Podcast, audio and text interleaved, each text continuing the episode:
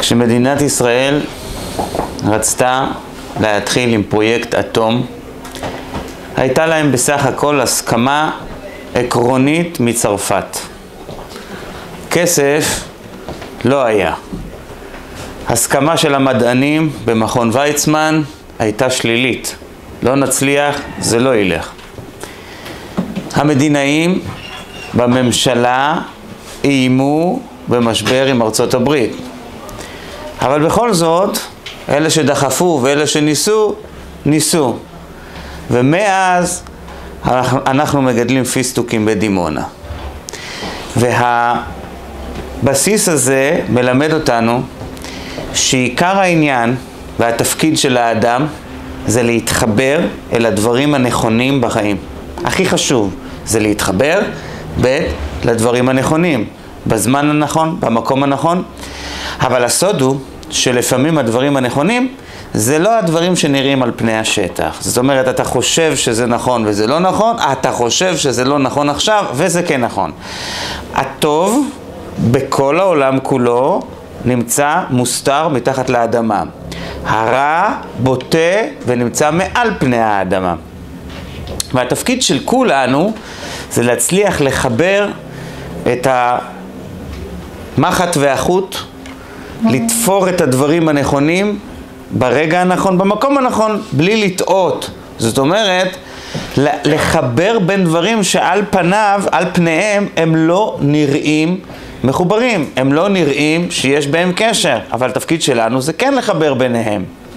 הנקודה הזאת היא נקודה שהיא כל כך משמעותית, מאוד משמעותית בחיים שלנו, ואני רוצה לומר לכם גלויות. אנחנו כולנו נבראנו אנשים אה, מקוריים, נבראנו אנשים אותנטיים, נבראנו עם, עם המון המון יכולות, ובמשך החיים, תסלחו לי, קיבו אותנו מימין ומשמאל, הכניסו אותנו לתוך התלם, נתנו לנו את התחושה שאנחנו לא עושים את הדבר הנכון, אז תעשו ככה או תעשו ככה, ואז תהיו בסדר.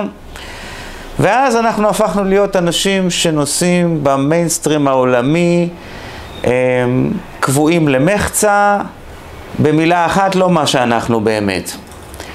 התפקיד של כולנו זה להתחבר חזרה לעצמנו. ואם אתם שואלים אותי מתי אנחנו נדע שהתחברנו לעצמנו, מה יהיה הנקודה, הקלף היסודי, התחברתם? הקלף היסודי זה ברגע שתתחילו לערער על סיפורים שמספרים לכם. אמרו לכם משהו ולא הנהנתם בראש כמו חבובות. כן, בסדר, נכון, אמת. יש לכם שאלה.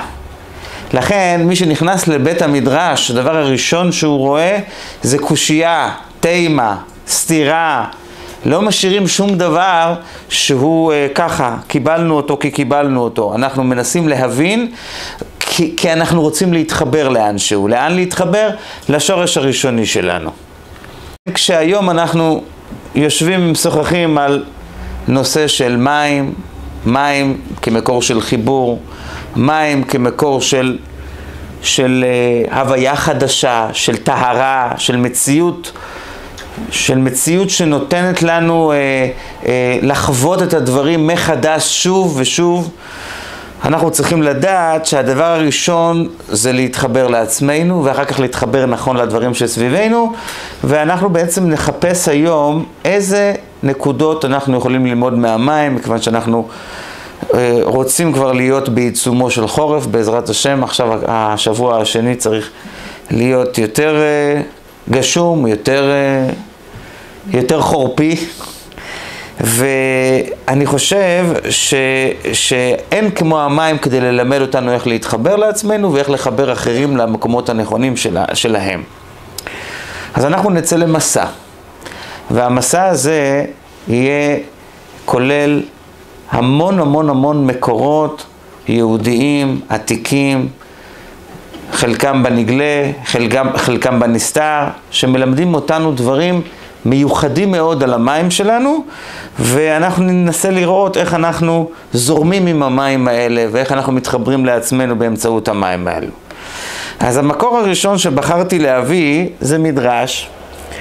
המדרש שואל שאלה, הוא פותח בשאלת uh, מפתח. הארץ מהיכן שותה? צריכה לשתות מאנשהו, מהיכן היא שותה? תשובה, ממימי האוקיינוס. כן, זו מילה עתיקה במדרש.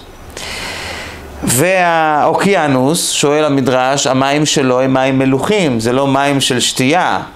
אז איך. איך. איך המים של האוקיינוס בסופו של דבר משקים את הארץ? אז הוא אומר שתי מילים, מתמתקים באבים. אבים זה העננים, מתמתקים בעננים. העננים מיידים כמו שאנחנו יודעים, ואז יורד הגשם ואנחנו חוזרים חזרה. באים בעלי הקבלה והסוד ומלמדים אותנו יסוד שמושתת על המדרש הנפלא הזה. כשבן אדם רוצה להתמתק, כשבן אדם רוצה לא להיות מלוח, לא רוצה להיות מר, לא רוצה להיות שלילי, הדבר היחיד בחיים שממתק אותו, הדבר היחיד בחיים שמחבר אותו, כי כש, כשהאדם מצוברח, תשימו לב שאנשים מתרחקים ממנו. כשהאדם שמח, האנשים מתחברים אליו. תסתכלו, תיכנסו לאולם, תראו, למי מתחברים? רואים מישהו שהוא שמח, מתחברים אליו. אנחנו בוחרים את השמחה. אז כשאנחנו רוצים לדעת מהו הדבר שיגרום, מהו הדבר שיגרום לנו חיבור, במילה אחת, האהבים. תסתכלו עם העיניים כלפי מעלה. הרוחניות היא הכוח הבסיסי שמחבר בין אנשים. הרוחניות. שאנחנו נתחבר באמצעות הכוח הרוחני. אבל אנחנו עכשיו נשמע דבר הרבה יותר מסיבי שהקדוש ברוך הוא אומר לנו, והוא מוסר לנו בזה רמז. המילה תלותי בלשון הקוד, בעברית, בלשון הקודש, זה כאילו משהו שלילי. האדם המוצלח זה האדם שלא תלותי באף אחד. ככה זה נתפס. ככה רואים את זה היום. הקדוש ברוך הוא קובל על העם היהודי שעזב אותו לפני שיצאו לגלות, אז ירמיהו הנביא בלשונו אומר בנבואה, אותי עזבו, אומר האלוקים, מקור מים חמים. מקור מים חיים, לחצוב להם בורות נשברים, לא יכילו המים. אז עזב, עזבתם אותי. הקדוש ברוך הוא מקפיד על זה שאנחנו עזבנו אותו. מה הוא בעצם רצה מאיתנו? הוא רצה שהוא יהיה המקור של המים, מקור החיים שלנו, המים זה סמל החיים, ושהתורה שיש בה, בתוך, בתנ"ך שלנו יש 24 ספרים, גימטריה של כד. שה, שהתנ"ך יהיה הכד שבו אנחנו שואבים את המים ואנחנו שותים. יש את מקור החיים זה האלוקים, יש את התורה שהיא הכד, ושאנחנו נשקה את עצמנו. זה מה שציפה הקדוש ברוך הוא. כואב לו שאנחנו עזבנו אותו. למה עזבנו אותו ומה רצה הקדוש ברוך הוא? אנחנו עזבנו משום שאנחנו הרגשנו תלותיים. אנחנו הרגשנו תלותיים מפני שבכל דבר שנותן לנו האלוקים, הוא נותן לנו כל הזמן, נותן בשלב אחד ולוקח בשלב שני. הנה תראו, הוא בחר לנו את הארץ הזאת, נתן לנו את הארץ הזאת. הארץ הזאת נקראת למטר השמיים תשתה מים. אנחנו שותים מי גשמים. אנחנו לא כמו במצרים ששותים את הנילוס, אנחנו שותים מי גשמים. התלותיות הזאתי זה תלותיות מכוונת. אלוקים רצה שאנחנו נהיה כל הזמן עם העיניים כלפי מעלה. ירד גשם, לא יהיה גשם, שנה שכונה, שנה בצורת, הוא רצה אותנו מחוברים אליו. אנחנו, זה טבע האנושי, מנסים לברוח כל הזמן מתלותיות. אומר לנו האלוקים, תדעו לכם, אותי עזבו מקור מים חיים, תדעו לכם שהתלותיות בי היא ההצלחה שלכם. בכל הדברים האחרים אתם יכולים לחפש להיות עצמאים לחלוטין. אבל לחפש להיות, להיות חופשיים מהאלוקים, זה לא יביא לכם שום ברכה. אני רוצה אתכם תלותיים. לכן כשבן אדם רוצה לדעת איפה ההצלחה שלי, תהיה עצמאי בכל דבר, חוץ מהקשר שלך עם האלוקים, שבו אתה צריך להיות תלוי כל הזמן עם העיניים כלפי מעלה. איך, אומר, איך אומרים את זה חז"ל? מאמין בחיי האלוקים וזורע. העיקר שזורע, הוא מאמין, הוא זורע, הוא מקווה שהגשם ירד בזמן, והוא זורע. אבל העיניים שלו תלויות כל הזמן כלפי מעלה. יש לו כל הזמן את האמונה, לכן אמונה נקראת סדר זרעים, משום שזה החיבור של האדם ביחד עם האלוקים כל הזמן. אז זה, הייתי אומר, הבסיס הראשוני של החיבור. כשאנחנו מתחברנו לבסיס הראשוני של החיבור, אנחנו עוברים לבסיס השני של החיבור, שהוא בא, להתבטא, בא, בא לידי ביטוי במים. וכאן אומר לנו המדרש שכשהקדוש ברוך הוא ברא את העולם, ג' בריות קדמו את העולם. ואנחנו קוראים את זה גם בפרשת בראשית. היה לנו את המים ואת הרוח ואת האש. הכל, כן, השמיים, ניקש ומים, זה הכל היה קודם. לפני שהקדוש ברוך הוא התחיל לברוא. זה היה הבסיס הראשוני, המים. ואחר כך, ובשש בריות אלו העולם מתנהג ברוח, בחוכמה, באש, באור, בחושך ובמים. נמצא, אנחנו את השאלות נשאיר בסוף, כי אחרת אנחנו נתבלבל ושיעור מספיק קשה. לא, במחילה. איך אנחנו אה, אה, מבינים את המדרש הזה? הוא ברא את המים בהתחלה, לפני, לפני בריאת העולם, זה בריאה של הקדוש ברוך הוא כמובן, אבל הוא ברא אותה לפני שהוא ברא את העולם. בראשית ברא אלוקים את השמיים ואת הארץ, והארץ הייתה תוהו ובוהו, ואז התחיל כל סדר ימי בראשית, אז היה לך כבר בסיס ראשוני של ארץ ומים ושמיים. ואחר כך היה רקיע בתוך השמיים, אבל קודם כל היה בחינה של אש ומים, זה היה הבסיס הראשוני של הבריאה. ואחר כך מהבסיס הראשוני הזה נברא הכל, והוא מסיים בסוף מים. מה רצה המדרש ללמד אותנו? תדעו לכם, תחילת הבריאה וסופה של הבריאה זה מים. המים, מה התפקיד שלהם? לחבר. אתה רוצה לבנות בניין, אתה צריך לחבר מלט עם מים, עם זה, לגבל, לחבר, ואז יש לך לבנים, ואז אתה יכול לבנות בניין. כל דבר בחיים, אתה צריך לחבר אותו אחד עם השני. הנה, אדם אוכל, שותה, אז, אז, אז המים מחברים את המזון שלו בכל החלקים של הגוף. אבל אם הוא לא ישתה, אז אכילתו דם, אומרת הגמרא. זאת אומרת, האכילה לא מביאה אותו לידי מימוש עצמי בצורה המלאה. מזה, כשהיה זה שהחריב את בית המקדש, טיטוס הרשע, אז uh, הוא התריס כלפי הקדוש ברוך הוא. ויש כזו אמרה שכשאתה רוצה להכיר מישהו או משהו, תקשיב מה אומרים עליו האויבים שלו. אתה רוצה, את רוצה להתחתן עם מישהי, עם מישהו? ת, ת, תלך, ת, תלכי תשתלי את, את, את הגרושה שלו איך הוא. כאילו, אתה הולך ומחפש כאילו, מה כבר יכולים להגיד עליו? בוא נאמר, אפילו הדברים הכי קשים. מה אפשר כבר להגיד על הבן אדם? אותו דבר הפוך. אז טיטוס, כשאנחנו רוצים לדעת תלונות על האלוקים, הולכים לטיטוס. טיטוס אמר, ככה מספרת הגמרא, כמדומה שאלוקיהם של אלו, אין גבורתו אלא במים. בא פרעה, הטביעו במים. בא סיסרא, טיבעו במים. איך אומרים? יש לו כוח אחד, הוא עם הג'וקר הזה חושב שהוא מנצח את העולם, עם המים. אמר לו הקדוש ברוך הוא, אני אביא בריאה קלה, וזה היתוש, והיתוש נכנס לו באף וניקר לו, שיגע אותו, ובסוף הוא מת. דרך הנחרירים, נכנס למוח, כן. אז מה, מה היה הבסיס פה, זה טיטוס? טיטוס אמר, הקדוש ברוך הוא כוחו במים, באיזשהו מקום הוא נגע באיזושהי נקודה אמיתית. כן. כשהקדוש ברוך הוא רוצה לתקן משהו או מישהו, השחזור של כל דבר זה המים. למה? מפני שהמים, כמו ששמענו קודם, הם היו ערש הבריאה, הם היו הבסיס. מכיוון שהם היו הבסיס, הם לפני הבריאה, והם תחילת הבריאה וסוף הבריאה, כמו שהזכרתי קודם, לכן, כשלמשל רוצים להיטהר, מה זה להיטהר? אני רוצה לחזור חזרה. ראיתם פעם ילד משחק משחק מחשב? אז יש לו נגיד אה, שלוש, ארבע, חמש פסולים שהוא יכול לעשות עם החיילים שלו, נגיד, נגמר לו חייל אחד, מכבה את המכשיר, מתחיל אותו מההתחלה. אתה אומר לו, למה? יש לך עוד ארבע, תתחיל, אה, תמשיך הלאה, אתה יכול הלאה לשחק. לא, אני רוצה לחזור, להרגיש נקי, חדש, טרי, כאילו לא היה שום דבר. זו תחושה אנושית, היא קיימת אצל ילדים בגדול, מפני שהילדים הם טהורים, אבל היא קיימת גם אצל מבוגרים. גם המבוגרים רוצים את ההרגשה הזאת. לכן זה כל הסוד של טבילה במקווה, שחסידים טובלים בכל יום, בערב שבת, וטבילת אישה. כל המושג הזה של מקווה נורא נורא נורא יסודי בעם היהודי, שהמקווה זה בעצם חזרה לשורש, המים, לחזור לשורש. אז ה... וגם המים האלה צריכים להיות מחוברים למים שהם שורשיים, זה מה שנקרא מים, מי גשמים וכל הדברים האלה, שלכן האמבטיה לא מועילה פה.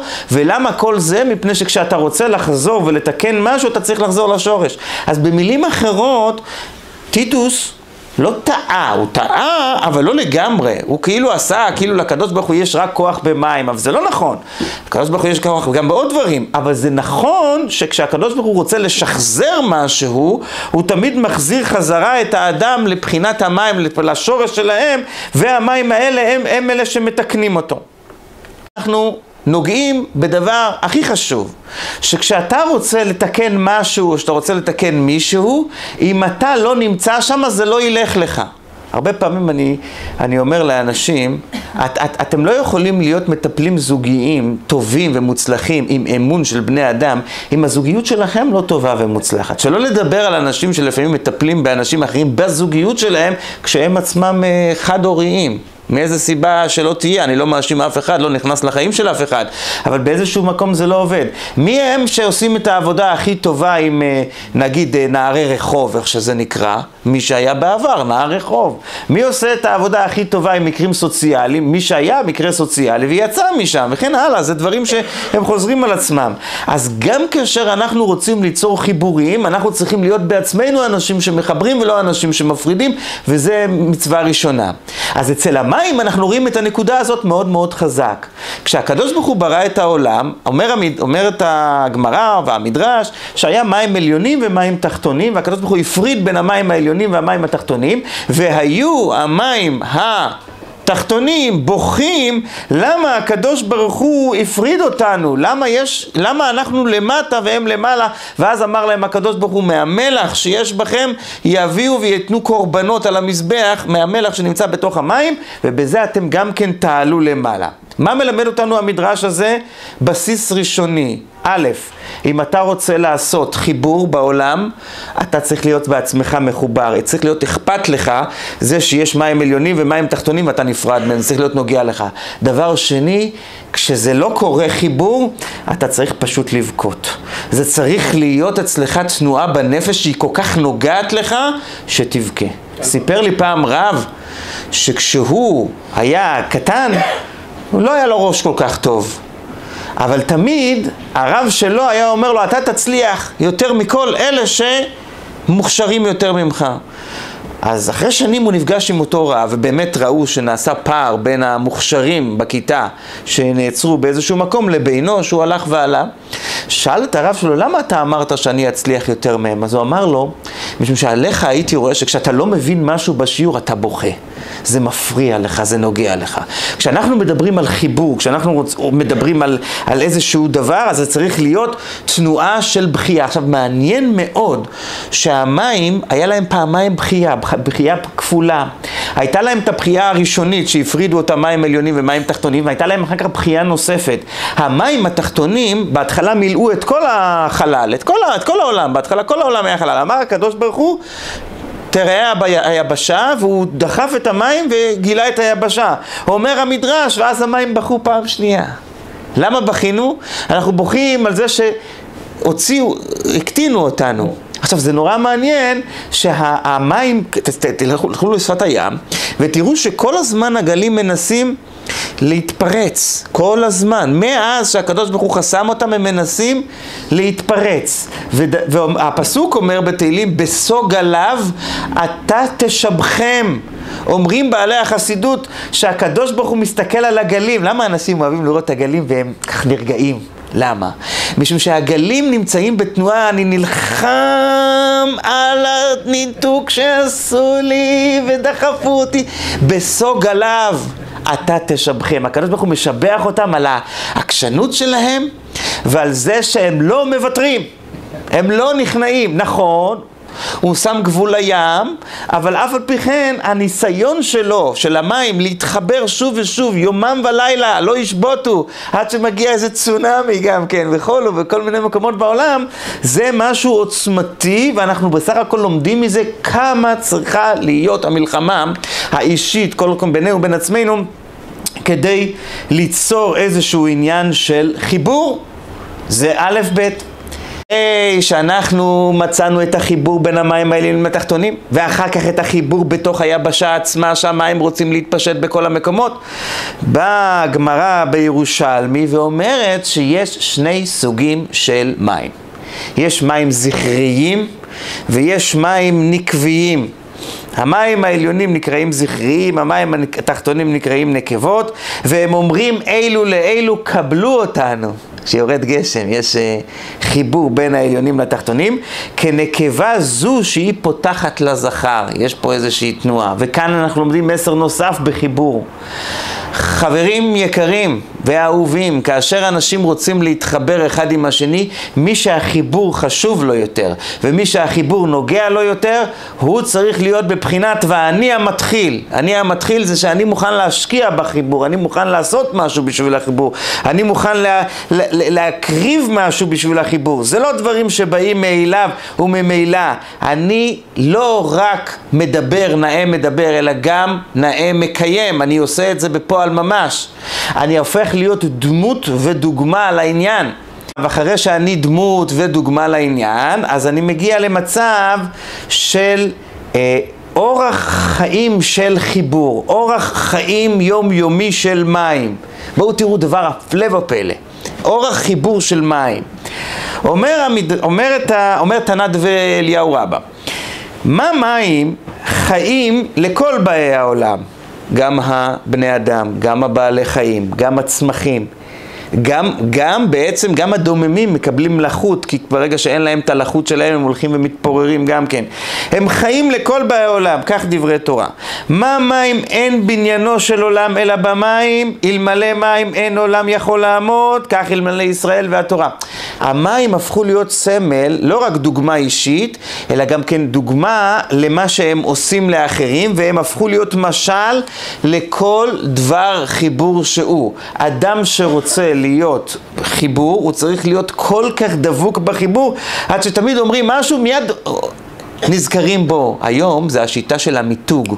השיטה של המיתוג אומרת שאני אסמן אותך בכל דבר עם איזשהו סמל, תמיד שזה יעלה, יזכרו, יזכרו בך, אתה תעלה ב, ב, בעניין. וככה אתה תהפוך להיות יותר ויותר, מי שצריך את הנושא הזה יפנה רק אליך, מפני שאתה מותגת בעניין. המים מיתגו את עצמם בעניין של חיבור מתחילתם ועד סופם, מאמצעם, למשל. כל הזמן הוא מדבר רק על זה ומסתובב סביב זה. ואנחנו אמורים להכיל אותם וללמוד מהם, ולקלוט אותם בצורה הכי עמוקה. הדבר הכי מדהים זה שהמים הפכו להיות סמל של חיבור גם כשיש פירוד. וזה הכי מפחיד, וזה קשור לפרשת השבוע גם כן. מה? פירוד. מה הפירוש? פרשת השבוע אנחנו לומדים שיצחק חופר בארות, והייתה באר אחת שהוא חפר, והבאר הזאת, הראשונה, נקראת שטנה. זאת אומרת, הפלישתים סתמו לו אותה, אז היה מריבה ושטנה. הגמרא אומרת במסכת ברכות דבר מדהים. הרואה באר בחלום, מי שבחלום רואה באר, רואה שלום. זה אני עוד יכול להבין, כי המים זה סמל של שלום. באר מים, אז הוא רואה סמל של שלום. אבל, אבל הגמרא מביאה גם כן פסוק. שמשם היא לומדת את זה, רואה שלום, מאיפה אתה יודע? שנאמר, ויחפרו עבדי יצחק בנחל, וימצאו שם באר מים חיים. ואני מסתכל על הראייה של הגמרא ואני תמה.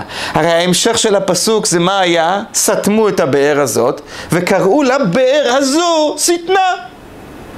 אז איך יכול להיות שהרואה באר מים זה רואה שלום? הוא רואה מריבה, למה רואה שלום? הפסוק הזה מדבר על מריבה. מתברר שכשאתה אדם שעסוק בחיבור, עסוק בשלום, עסוק, עסוק בריפוי קונפליקטים, גם כאשר נדרש ממך באמצע הדרך לעשות איזה שהם דברים שהם בבחינת אה, פירוד, מכיוון שהכוונה שלך האמיתית זה החיבור שעומד מאחורי הדברים, קוראת לזה התורה שלום. אלא מה? זה חלום של שלום. אני לא מתכוון חלום של מר שמעון פרס, חלום של שלום. זה חלום אמיתי שיתגשם. זה חלום אמיתי שהתגשם מפני שהשורש והכוונה הנסתרת של מה שאתה עושה, הכוונה שלך היא שלום. ולכן גם אם אתה לפעמים אומר מילה קשה, לפעמים אתה עושה איזשהו משהו שבלשון של החסידות זה נקרא גבורה, אתה יוצר איזשהו משהו של גבורה, אבל מה עומד מאחורי הגבורה הזה? עומד חסד, עומד רצון לחיבור, זה שלום. זה שלום שהוא לא, עדיין לא ממישי, הוא בא רק בדוגמה של חלום, אבל בסופו של דבר השלום הזה יבוא לידי ביטוי ממשי גם. אבל השלום הזה והחיבור הזה שיש למים, הוא צריך זהירות גדולה. מוריי ורבותיי, יש לנו את אברהם שהוא חסד, שחסד זה מים וזה חיבורים יפים. יש לנו את ישמעאל שהוא חסד, אבל חסד זה קליפה, שהוא יוצר חיבורים לא טובים. בחיבור יש סור מרע ויש ועשה טוב. יש חיבורים שמהם צריכים להיזהר. איך המדרש אומר לנו את זה בצורה מסודרת? המדרש בספר הזוהר הקדוש בפרשת בראשית, איתמיה דמגדלין חכימין, יש מים שמגדלים חכמים, ואיתמיה מגדלים טיפשים, יש מים שמגדלים אנשים טיפשים, יש ויש. כן, אתם שואלים למה האנשים האלה מטומטמים ולמה האנשים האלה חכמים? יש משהו בגידולים שם, יש משהו במים שם שיוצר את זה. יש משהו במים, והמים זה החיים של כל הדברים. אז הפירות והמזון וכל מה שגודל שם יוצר משהו לבני האדם שנמצאים שם ו... או שמרחיב אותם או שפוצע אותם מבחינה שכלית, מבחינה פנימית. משהו מאוד מאוד יסודי. יש מים טובים, יש מים רעים. יש חיבורים שהם חיבורים בונים, ויש חיבורים כאלה שהם חיבורים הרסניים. אומר המדרש בשיר השירים, אחרי 26 דורות הציץ הקדוש ברוך הוא בעולמו ומה הוא רואה? לראות מה עשה. מה זה לראות מה עשה? הוא הרי הכל יודע, אבל הוא רוצה לראות איך זה נראה בעיניים של המקבלים, של בני האדם, ומצאו מים במים. הוא מסתכל על העולם והוא מוצא מים במים. יש מים ויש מים. יש מים טובים ויש מים רעים. כל העולם רודף אחרי חיבורים. הללו רצים והללו רצים. כל בני האדם מחפשים חיבורים חברים. אלה מחפשים זוגיות, תקינה. אלה מחפשים זוגיות לא תקינה. אלה מחפשים תאוות. מקור המים זה מקור התאווה והתענוג, אלה מחפשים את התענוגות, זה החיבור שלהם. אלה מחפשים אין מים אלא תורה, את החיבור הפנימי המוסרי, כולם מחפשים חיבורים, השאלה איזה חיבורים? האם הם מחפשים את החיבור הטוב, הבונה, או שהם מחפשים את החיבור ההרסני? ועל זה אמרו לנו חכמינו זיכרונם לברכה באבות, חכמים, היזהרו בדבריכם, שמא תגלו למקום מים הרעים. לפעמים דיבור אחד יכול להוזיז את הבן אדם מלהתחבר למקומות טובים, להתחבר למקומות שליליים, להתחבר למקומות לא בונים, לא, לא אה, מקדמים. זה נדרש מאיתנו כאשר אנחנו רוצים לעשות חיבורים טובים. בסדר, הבנתי. יש מים ויש מים, יש טוב, יש רע. אה, כל העולם מחפש אחרי חיבורים, אבל אני רוצה את החיבור הטוב. אה, מה אני צריך לעשות כדי שהחיבור שלי יהיה חיבור?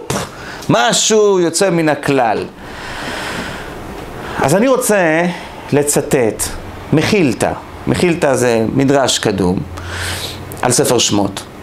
והמחילתא אומרת שעם ישראל במדבר היה לו כמה ניסיונות עם מים, כמו שכולכם יודעים. פתאום הם צמאים למים, ופתאום המים מרים, ופתאום אין מים, ופתאום ופתאום ופתאום מים, מים, מים. המדרש שואל שאלה, שאת האמת, את השאלה הזאת אנחנו צריכים ללמוד בשיעור שלם, אבל זה לא הזמן. אנחנו, היום אנחנו לומדים שיעור לגאונים. זה מברקי, ואת כל הפיתוח אתם עושים אחר כך לבד. אז הבסיס זה, זה ש, ש, שהמדרש שואל, אני לא מבין. הלא המים היו תחת רגלי ישראל. הם צועקים שהם רוצים מים, הם צועקים שהמים מרים, אבל המים היו תחתם. המדרש אומר, כנראה שהוא יודע מה שהוא אומר, אבל זה לא נושא לפתח, למה הם היו תחתם. והארץ, אומר המדרש, אינה צפה אלא על המים. אנחנו יודעים שזה ככה, הכל, יש את המי תהום שנמצאים למטה. הארץ נמצאת מעל מים. אז מה הבעיה? למה הם כל כך כואבים את זה שאין להם מים? מה קרה?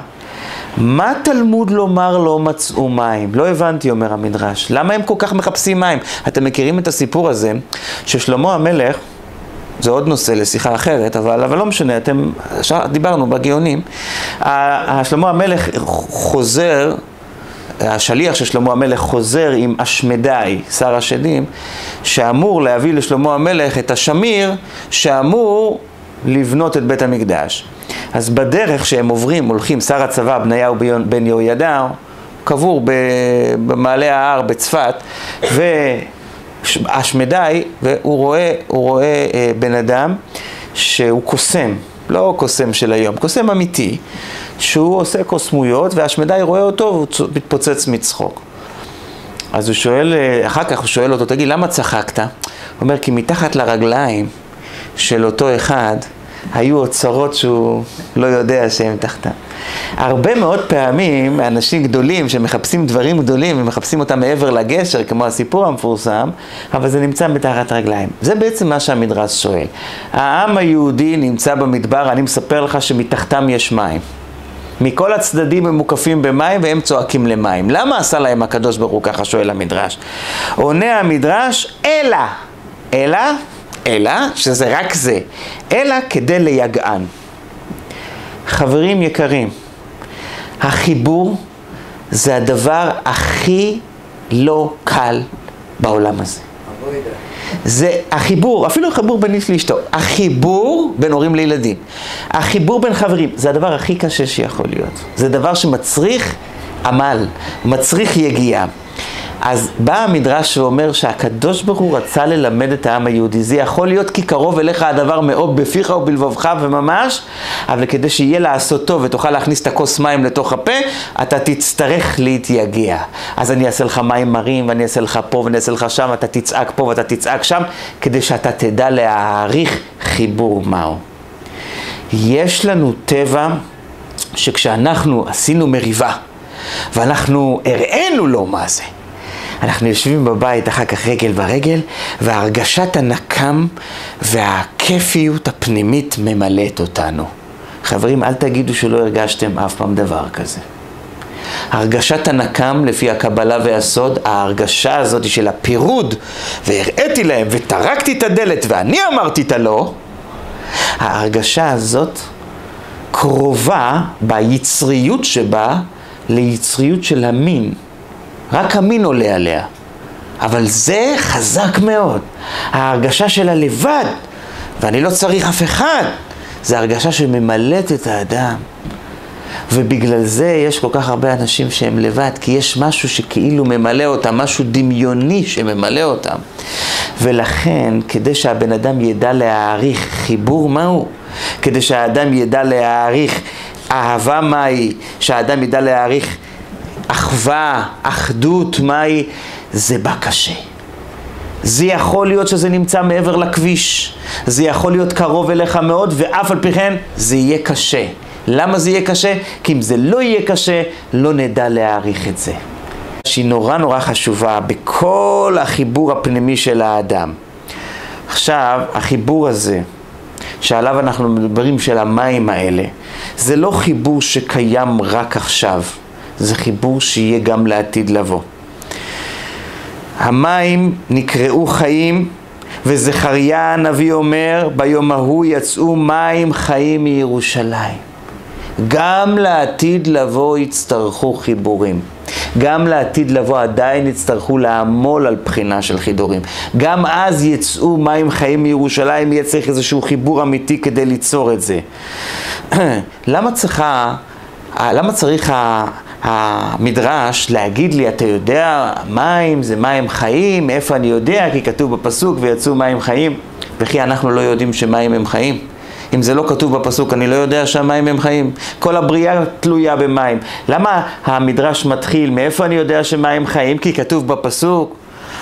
בא המדרש ללמד אותנו, תדע לך, אתה יודע שישנם מים טובים וישנם מים רעים, כמו שאמרנו קודם, אתה יודע שלהבחין בין מים טובים למים רעים זה מאוד קשה, אז אני רוצה לגלות לך עוד משהו, אומרת התורה. אתה לעולם לא תדע אם זה טוב או רע, אלא אם כן אתה תמצא לזה רמז בתורה. רק התורה היא זו שיכולה להגיד לך בצורה מאוד מאוד חזקה ומאוד מאוד בוטה, זה כן וזה לא.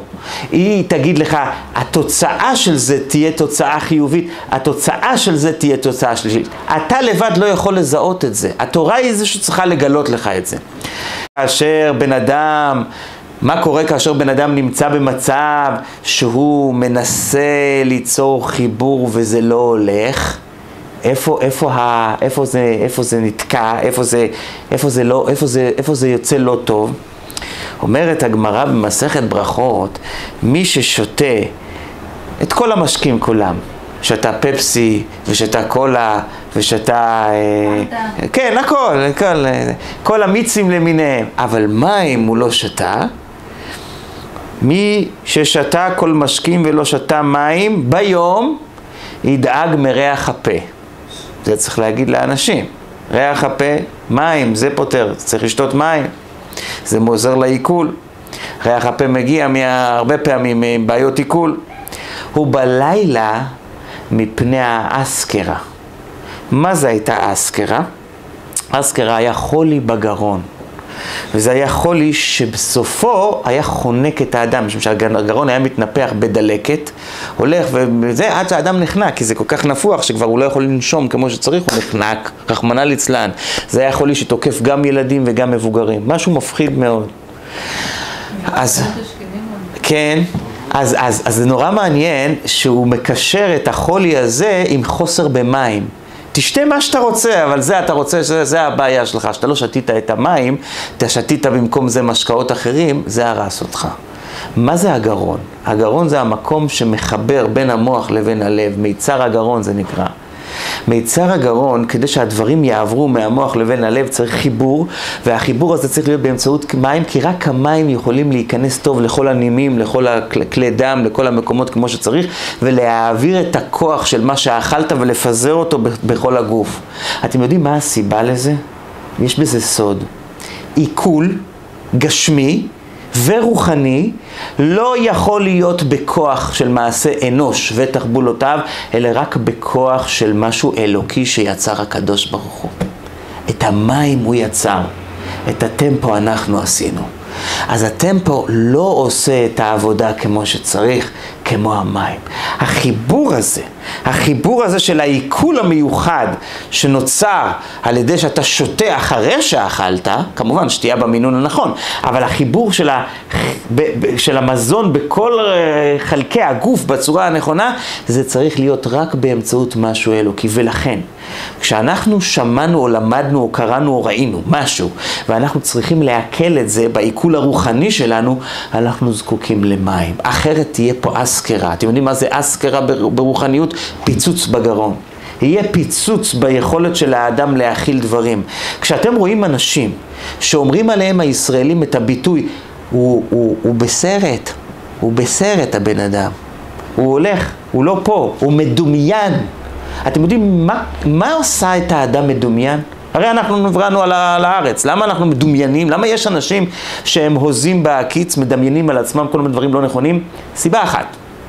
הסיבה היא מפני שהמערכת העיכול הרוחנית שלהם, של החוויות שהם חוו בחיים שלהם, לא עובדת. ולמה היא לא עובדת? מפני שהם לא משתמשים בתבלין אלוקי, שזה מים, הטבעי, אלא הם משתמשים בכל מיני מעשי אנוש ותחבולותיו. כשם שזה בגשמיות ככה, על בסיס הגמרא, ככה זה גם כן ברוחניות. אה? עכשיו, מה האדם צריך לעשות כדי שה...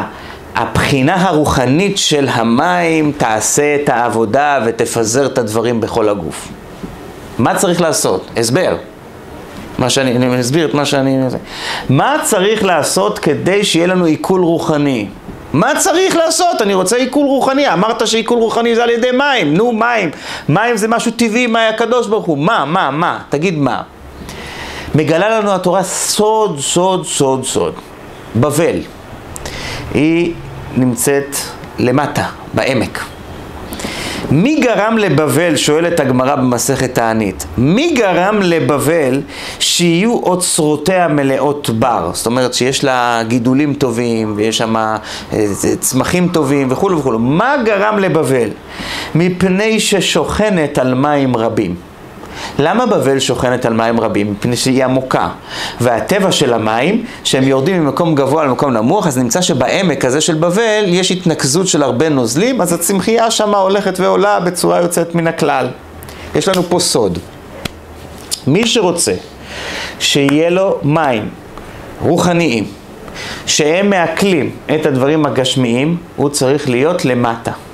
הטבע הראשוני של האדם זה שהקדוש ברוך הוא ברא אותו עם הראש למטה. הוא ברא אותו בטבע עניו, הוא, הוא ברא אותו חסר ישע. כמה זמן לוקח לעגל לעמוד על הרגליים אחרי שהוא הומלט מרחם אמו? זמן קצר. כמה זמן לוקח לתינוק עד שהוא ילך על רגליו? הרבה זמן. זה משתנה, אבל זה הרבה זמן. ו- וזה לא רק בזה, אלא זה בכל התחומים. האדם זה היצור שהקדוש ברוך הוא סימן אותו מההתחלה כיצור הכי תלותי שיכול להיות, כדי להחדיר לו, לדעת, להודיע ולהיוודע. תדע את המגבלות שלך, תדע כמה אתה חלש. אתה נולדת עם תחת הסמל ענווה, אתה כלום, אתה צריך עזרה, אתה חסר ישע. והאדם צריך ללכת עם המודל הזה, ואז כשהוא ילך עם המודל של הענווה, אז כל המים ירדו אליו, הוא יוכל לעכל כל דבר שהוא, כמו בבל שגדלה על כל מים, ואז הוא הולך ועולה והולך ועולה ומצמיח פירות הכי טובים שיכולים להיות. ברגע שהאדם נעשה, שם את עצמו על ההר, מתחיל להשוויץ, מתחיל להשתחץ, מתחיל להחזיק מעצמו, המים כבר לא מגיעים אליו, מערכת העיכול הרוחנית כבר לא עובדת כמו שצריך. ומי הוא המופסד הגדול? האדם. כל הדברים בבריאה יכולים לעשות, להתקלקל. המים לא מתקלקלים. אומרת הגמרא במסכת פסחים, מה מים שאין מפיגים טעמן? קחו בקבוק יין, תשאירו אותו פתוח כמה שעות, זה כבר לא זה. עד כדי כך שעל פי ההלכה, יין שנמר טעמו, אתה כבר לא יכול לעשות קידוש על היין הזה. כמה שעות היה הבקבוק פתוח ואתה לא יכול לעשות עליו קידוש. עדיין ברכתו בורא פרי הגפן אם יש לו טעם יין, אבל קידוש אתה כבר לא יכול לעשות עליו. יש לזה משמעות. ואילו מים, הטבע, אין טעם למים, אין להם גם כן, הם, הם, לא, הם לא מופגים. המים, יש להם משהו עצמי בסיסי שהוא לא מתחלק, הוא לא מתפרק, הוא לא מתפרק. כל פעם שדבר מפסידים את הטעם שלו זה כתוצאה מאיזשהו פירוק שקורה בתוכו. המים לא מתפרקים. הפירוק הזה, החוסר פירוק הזה של המים, הוא נובע מפשיטות. כשאנחנו גאים וכשאנחנו שוויצרים, אנחנו חוטפים כל הזמן מימין ומשמאל, אנחנו כל הזמן בתנועה של פירוק, מפרקים אותנו כל הזמן. ואילו כאשר אנחנו בענווה לא שמים לב אלינו, במילא לא מפרקים אותנו. וזה אחד היסודות הכי הכי חשובים, מה אנחנו מבר... מרוויחים מזה שאנחנו נמצאים בענווה ופשיטות, ולמה דווקא המים הם אלה שנותנים לנו כוח לעכל דברים. אבל למים יש תכונה נוספת. למים יש תכונה, אומרת הגמרא במסכת חגיגה, שהם מושכים את הלב כמו מים. המים מושכים, תראו שלוליות, תראו זרמים, תראו נחלים. מושך, מושך, מושך, סוחב איתו. המים סוחבים איתם הכל. הם מושכים. Uh, המים נמשלים מאותה גמרא לדברים מעניינים, דברים מרתקים, לדברי אגדה שמושכים את ליבו של האדם, סוחפים. אם אתה בא לבן אדם, אתה אומר לו דברים חדים וקשים כגידים, האדם לא נמשך אחריך. דווקא כשאתה מדבר עם הבן אדם בצורה רכה ונעימה, אז אתה מושך אותו ביתר שאת, ביתר עוז. אם שאלתם, שאלתם את עצמכם, למה אנשים לא נמשכים אחריי? למה אנשים לא אוהבים אותי? למה אנשים לא חברים שלי? זה רק מילה אחת, קשה או רך. אחרי קושי לא נמשכים, אחרי רכות נמשכים. באה התורה ונותנת לנו טיפ, אתם רוצים שימשכו אחריכם, תהיו רכים כמו מים, נקודה, יימשכו אחריכם.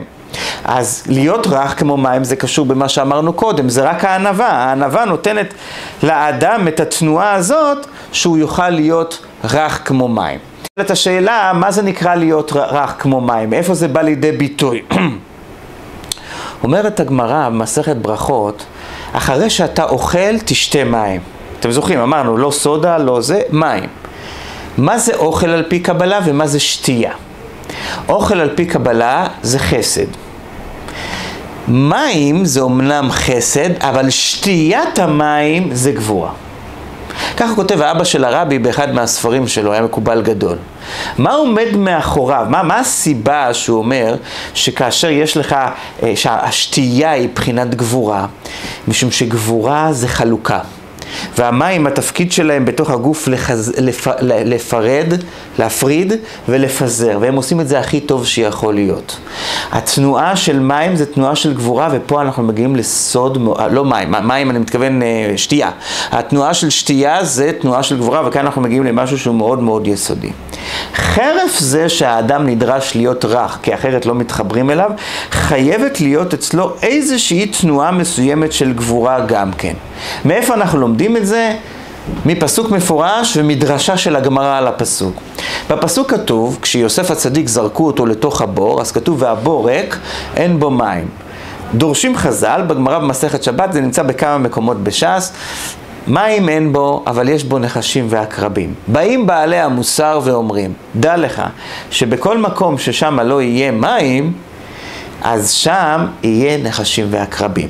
ולפי הטרמינולוגיה שאנחנו לומדים היום, בכל מקום שלא יהיה מים, פירוש, שלא יהיה קצת גבורה, כן? כמו ש... שלא תשתה מים, ששתיית המים זה מבחינת גבורה שהיא מפזרת ומחלקת את הדברים לימין לשמאל ומחלקת אותם בכל המקומות השונים, עד שלא יהיה בחינה של מים, אז יהיה שם נחשים ויהיו שם עקרבים. אני רוצה להסביר את המושג הזה קצת יותר. אנחנו יודעים שיש לנו עולם של טוב ועולם של תיקון.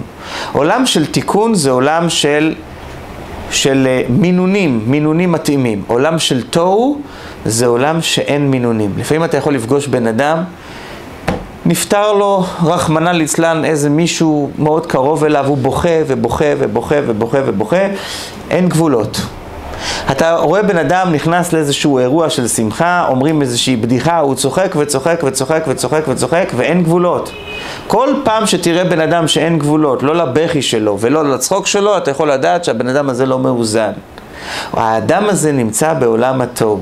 עולם התוהו נקרא עולם הנקודים, הוא טמון בתוך נקודה אחת, הוא לא יוצא ממנה. הוא עכשיו בתוך משבצת צחוק, הוא עכשיו בתוך משבצת בכי. והוא לא משתחרר משם, זה הבעיה שלו, זה הטעון טעון טיפוח. הוא צריך ללמוד לפזר את עצמו. הצחוק זה דבר טוב, אבל לפזר אותו, לחלק אותו, בכל, בכל, בכל מרחבי היום, בכל מרחבי השבוע, בכל השנה, לא בבת אחת עכשיו, עכשיו, עכשיו, בלי לעצור. אותו דבר הבכי, גם בכי יש לו מטרה, אבל אתה לא יכול לעצור את החיים ולהיות שקוע בתוך הבכי, לכן חייב להיות בתוך האדם גם כן אלמנט של גבורה, צריכה להיות גבורה מסוימת של אתה עוצר, אבל אף על פי שצריכה להיות אלמנט של, צריך להיות אלמנט של גבורה, מלמדת אותנו הגמרא במסכת בכורות, אין שותים מים בפני רבים. הכוונה היא אל תעמוד ככה לפני ברחוב ותשתה מים ככה ליד כולם. תשתה, אבל לא ליד כולם. למה? מה, מה הסוד, אני מדבר בגשמיות, יש לזה הסבר של צניעות מסוים, אבל ברוחניות, מה עומד מאחורי זה? הסיבה הרוחנית לזה היא אחת, מפני שכאשר אתה שותה מים, אתה נמצא במצב של גבורה. שתיית המים זה הפיזור בתוך הגוף, זה גם בנפש ככה. כל פעם שאתה עושה גבורה זה צריך להיות כמה שאפשר בחשאי.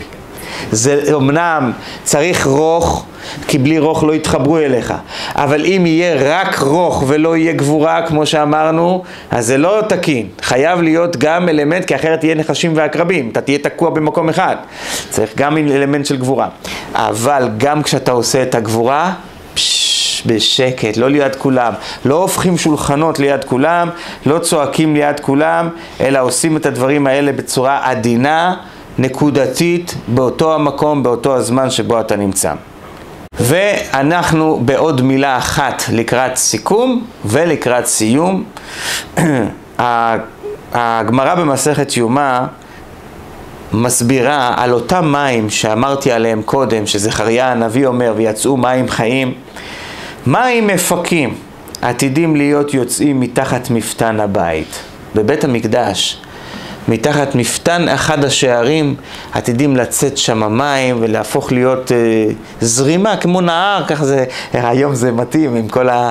אה, באולמות אתה נכנס, יוצא לך מזרקה ויש לך מים פה ויש לך מים שם, אז אומרים לך שתהיה כזאת אה, מזרקה כזאת, יצאו מים כאלה גם בבית המקדש, גם שם יהיה את האלמנט הזה.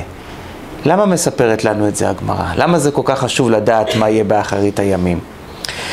מוריי ורבותיי, לעתיד לבוא תתגלה המעלה של המים יותר. המים היום קצת מקופחים. כמה שלא דיברנו על המעלה שלהם ועל החשיבות שלהם, עדיין יש להם איזשהו אה, קיפוח. ומהו הקיפוח של המים? שאתה רואה כמה אנשים שותים באמת מים אחרי הסעודה ולא משקאות אחרים. כמה אנשים באמת משתמשים בכוח הרוחני של המים כדי לפרז, הכוח, הכוח של הענווה, הכוח של המים של בבל, כדי לפרד את הכוח שלהם מימין ומשמאל, כדי להביא את עצמם לידי יכולת לעכל דברים רוחניים שעברו עליהם. כמה אנשים עושים את זה? מעטים הם האנשים שעושים את זה. ומה הסיבה? הסיבה טמונה במה שדיברתי עכשיו. מפני שהמים יש להם כוח מסוים של גבורה. שתיית המים יש לה כוח של גבורה. ומהגבורה האנשים בורחים כמו מעין, שאנשים לא אוהבים את זה. אבל לעתיד לבוא, התברר לכולם שלגבורה יש כוח מיוחד. אברהם אבינו היה חסד, יצחק אבינו היה גבורה, יצחק אבינו חפר בארות, הוא הביא מקורות של מים. ולעתיד לבוא אנחנו נבוא ונגיד ליצחק אבינו, כי אתה אבינו. אנחנו נודה ונשבח ואנחנו נוכל לעמוד בצורה הכי כנה ולומר שהגבורה היא זו שקידמה אותנו בחיים. אין לך אדם שלא אוהב מחמאות, אבל אין לך בן אדם שגדל רק ממחמאות. אומר הרבי, אהוב את הביקורת, כי היא תעמידך על המקום האמיתי. אדם שגדל רק ממחמאות מגיע ליופי, אבל אדם שגדל גם מביקורות מגיע ליופי שביופי, לעוצמות הרבה הרבה יותר גבוהות והרבה יותר מוצלחות, ולכן אנחנו נראה את מעלת המים ביתר שאת. לעתיד לבוא, אנחנו נראה את זה כשאנחנו, בעזרת השם, יראו עינינו וישמח ליבנו כשנבוא לבית המקדש. כעת אני רוצה לעשות סיכום ומילות של סיום. דיברנו היום על המים כמקור חיים. הסוד של המים, הסוד של החיים, זה להתחבר לנקודות הנכונות של החיים. איך אנחנו מגיעים לנקודות הנכונות? על ידי חיבור נכון, קודם כל, בתוכנו. אנחנו צריכים להתחבר עם עצמנו, קודם כל. הגשם מלמד אותנו שכל חיבור, כל מתיקות, כל המתקה קשורה עם הלמעלה, עם הסייעתא שבאה מלמעלה מהקדוש ברוך הוא. ולכן אנחנו צריכים להשתדל להיות תלותיים בקדוש ברוך הוא כדי שיהיה לנו את החיבור לרוחניות, כדי שתהיה המתקה לחיים שלנו. ככל שנתחבר יותר לרוחניות, ככה תהיה המתקה יותר גדולה ויותר מהירה לחיים שלנו. היסוד של העולם כולו זה בחיבור. מי שנמצא בתנועה של פירוד, התיקון שלו זה לשחזר את עצמו. לשחזר את עצמו זה לחזור חזרה למקורות, שזה המים, זה המקווה, זה היסוד, זה הבסיס, ועל ידי זה הבן אדם עולה ומתקן. המים בעצמם הם סמל של חיבור. א', הם מצטערים על הפירוד, הם מתחברים עם הדומם ועם הצומח ועם החי ועם המדבר, הם הסמל של השלום, אבל אנחנו מצידנו, גם כשאנחנו צורכים אותם, אנחנו צריכים לדעת, יש מים טובים, יש מים רעים, יש לנו להיזהר מחיבורים שליליים, אבל על חיבורים טובים ועל חיבורים חיוביים אנחנו חייבים להתייגע, זה לא בא מאליו וממילא, והסיבה שזה לא בא מאליו וממילא, מפני שהקדוש ברוך הוא רוצה שאנחנו נייקר את זה, וכל דבר שהוא רוצה שנייקר הוא יוצר שיש לו קצת קושי. כל חיבור נכון חייב להיות לו רמז בתורה. אם אין לו רמז בתורה, אתה יכול לחשוד שזה אולי מים רעים ולא מים טובים. אי אפשר להתחבר לשום דבר בחיים בעולם, ואי אפשר לעכל שום דבר גשמי או רוחני בלי תנועה של מים, תנועה של ענווה, שהם יורדים ממקום גבוה למקום נמוך, תנועה שהם לא מאבדים את הטעם שלהם אף פעם, שזה מפני שהם לא מורכבים, תנועה של פשיטות, וחייבת להיות גם תנועה של רכות, שזה התנועה שיש במים והיא יוצרת את החיבור בין בני האדם, ביחד עם הרכות צריכה להיות גבורה במינון מסוים, והגבורה במינון מסוים צריכה להיות מוסתרת, ולעתיד לבוא, כמה שאנחנו מבינים היום את מעלת הגבורה, לעתיד לבוא אנחנו נכיר ונדע את מעלת הגבורה ביתר שאת, ביתר עוז, הרבה הרבה יותר ממה שאנחנו מכירים אותה עכשיו. אומר לנו שלמה המלך החכם מכל אדם בספר קהלת, אל תהי צדיק הרבה. מה זאת אומרת? לא להיות צדיק? כל הזמן אנחנו רוצים להיות צדיקים, אבל תהיה צדיק אבל לא הרבה. למה התכוון שלמה המלך? הוא התכוון למשהו שהוא כמו מה שהיה עם גדליה בן אחיקם. גדליה שמע שהולכים להרוג אותו, ואז הוא מתחיל להגיד, לא מתאים לי, זה, זה לשון הרע וכיוצא בזה, ומותחים עליו ביקורת על זה. ואל תהי צדיק הרבה. אתה חייב לדעת להתחבר לעצמך.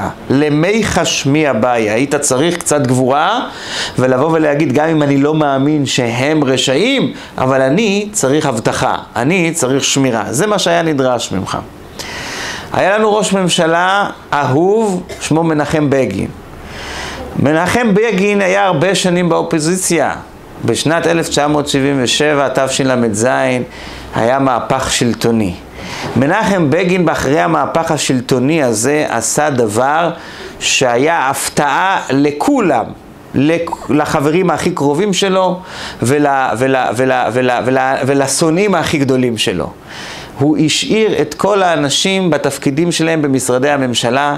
שגריר ישראל בארצות הברית זה אותו אחד, אתם אותו אחד, את כל אותו אחד, הוא לא משנה דברים, הוא אומר אני לא רוצה לעשות רעידות אדמה. מנחם בגין באישיות שלו היה בן אדם שמאוד ממלכתי, ויש לו אה, אה, אה, מה שנקרא כבוד עוצמתי, יש לו אה, יכולות אה, אה, להכיל גם מנגדים, ויש לו אה, מה שנקרא את ההשקפה הרחבה הזאת והלא צרה, מה אני אשים רק את האנשים שלי? לא, אני בסדר של כולם, אני ראש ממשלה של כולם. כולנו זוכרים שמנחם בגין התפטר בצורה גם כן מפתיעה ולא, לא, לפחות לאלה שהיו לא הכי קרובים, זה גם כן לא היה הפתעה גמורה. ואומר, אני לא יכול יותר. ואלה שנדחו, למה הוא לא יכל יותר? אז הם תלו את זה בכמה דברים. היה פטירתה של אה, עליזה, אשתו האהובה, היה המצב הבריאותי שלו שהלך והידרדר, כבר לא היה אדם צעיר, אבל היה עוד משהו מרכזי מאוד. הוא היה מוקף באנשים שהוא לא יכל לסמוך על אף אחד מהם במובן האישי שלו. וזו הייתה הנקודה שרציתי להעיר את תשומת לבכם. מנחם הוא גדול, אבל אנחנו צריכים לדעת שקשה, קשה מאוד לבן אדם להיות, כמו שאומרים, הגיבור לבד בכל הצדדים. גם הגוף בוגד, גם האישה עוזבת, וגם אתה מוקף מסביב באנשים שאף אחד אתה לא יכול להפקיד אצלו סוד באמת, ואתה לא יודע איזה חורשים מאחוריך מזימות.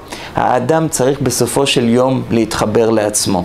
האדם צריך בסופו של יום לדעת מה אני מסוגל, מה אני לא מסוגל. חלילה לא להגיע למצב, אני לא יכול יותר. אני לא מסוגל יותר. תדאג שיהיה לך את ה, כל הדברים הנצרכים בסביבה שלך, שייתנו לך את מה שאתה צריך מסביב, כדי שתוכל ללכת ולעשות את התפקיד שלך במובן הכי מלא, וכל זה זה על ידי שתתחבר לעצמך, זה ענווה מסוימת. שתדע להגיד, אני לא יכול יותר, לא בסוף, תגיד, אני לא יכול לעבוד עם צוות שלא באמת נאמן לי. תגיד את זה בהתחלה והדברים ייראו אחרת. אחד מהמנהלים הגדולים של חב"ד בארץ הקודש, הרב אפרים וולף, עליו השלום, היה מנהל בישיבה בלוד, והוא היה איש עם משמעת עצמית גדולה, חסיד גדול, מקושר גדול לרבי, דייקן גדול. בכל ההוראות של הרבי לארץ ישראל במשך 50 שנה עברו דרכו. יום יום, כל השנים, אני מדבר איתכם בשנות ה-50, בשנות ה-60, יום יום שיחת טלפון מארצות הברית של יכול להיות שעות אפילו, שמעבירים לו את מה שהוא צריך לטפל. והיהודי היקר הזה, היהודי המיוחד הזה, מספר שפעם ביחידות הוא נכנס לרבי ואומר, רבי, תראה, אני הרבה פעמים נדרש להגיע להחלטות גורליות, החלטות של דברים מהותיים מאוד בחב"ד, בהנהלת המוסדות, ואני זקוק ל, ל, ל, להחלטה שלך. זה דברים שנוגעים ל, ל, ל, לדברים הכי חשובים שרק אתה, הרבי, יכול לענות עליהם. ואני לא יודע איך אני אגיע להחלטה הזאת, כי לא תמיד אפשר לתפוס, ולא תמיד, אתם יודעים, הטלפון, ועד שזה נכנס, ועד שזה זה, והוא באותם השנים היה צריך תשובות מהירות, שאולי בטכנולוגיה של היום היה אפשר לספק לו אותם, אבל לא באותם הימים.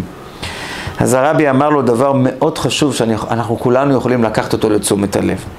אמר לו הרבי, אם תקפיד שבסדר יום הציבורי הדחוס שלך, תקפיד שיהיה לך שיעורי תורה, ותעמוד עליהם בצורה חזקה, בשמירה מעולה, ולא תזוז מהם, אני אכנס בתוכך, ואתה תעשה בדיוק מה שצריך לעשות, ותהיה לך סייעתא דשמיא לכוון בראש שלך לדעה שלי, ולא יצא תקלה תחת ידך. יש איזושהי עוצמה מסוימת בזה שבן אדם יודע לשתות את מימי התורה בבוקר, בצהריים, בערב, בשולחן ערוך כתוב פרק שחרית, פרק ערבית, קובע לעצמו יום יום זמנים שהוא לומד תורה, ואין מים אלא תורה, ואז זה מפזר את הכוח הרוחני האנרגטי שקיים בתוכו, מפזר אותו בתוך כל הגוף, ואז הוא יודע גם כן להגיע להחלטות הנכונות והנבונות בזמן הנכון, ברגע הנכון. תודה רבה לכם על ההקשבה.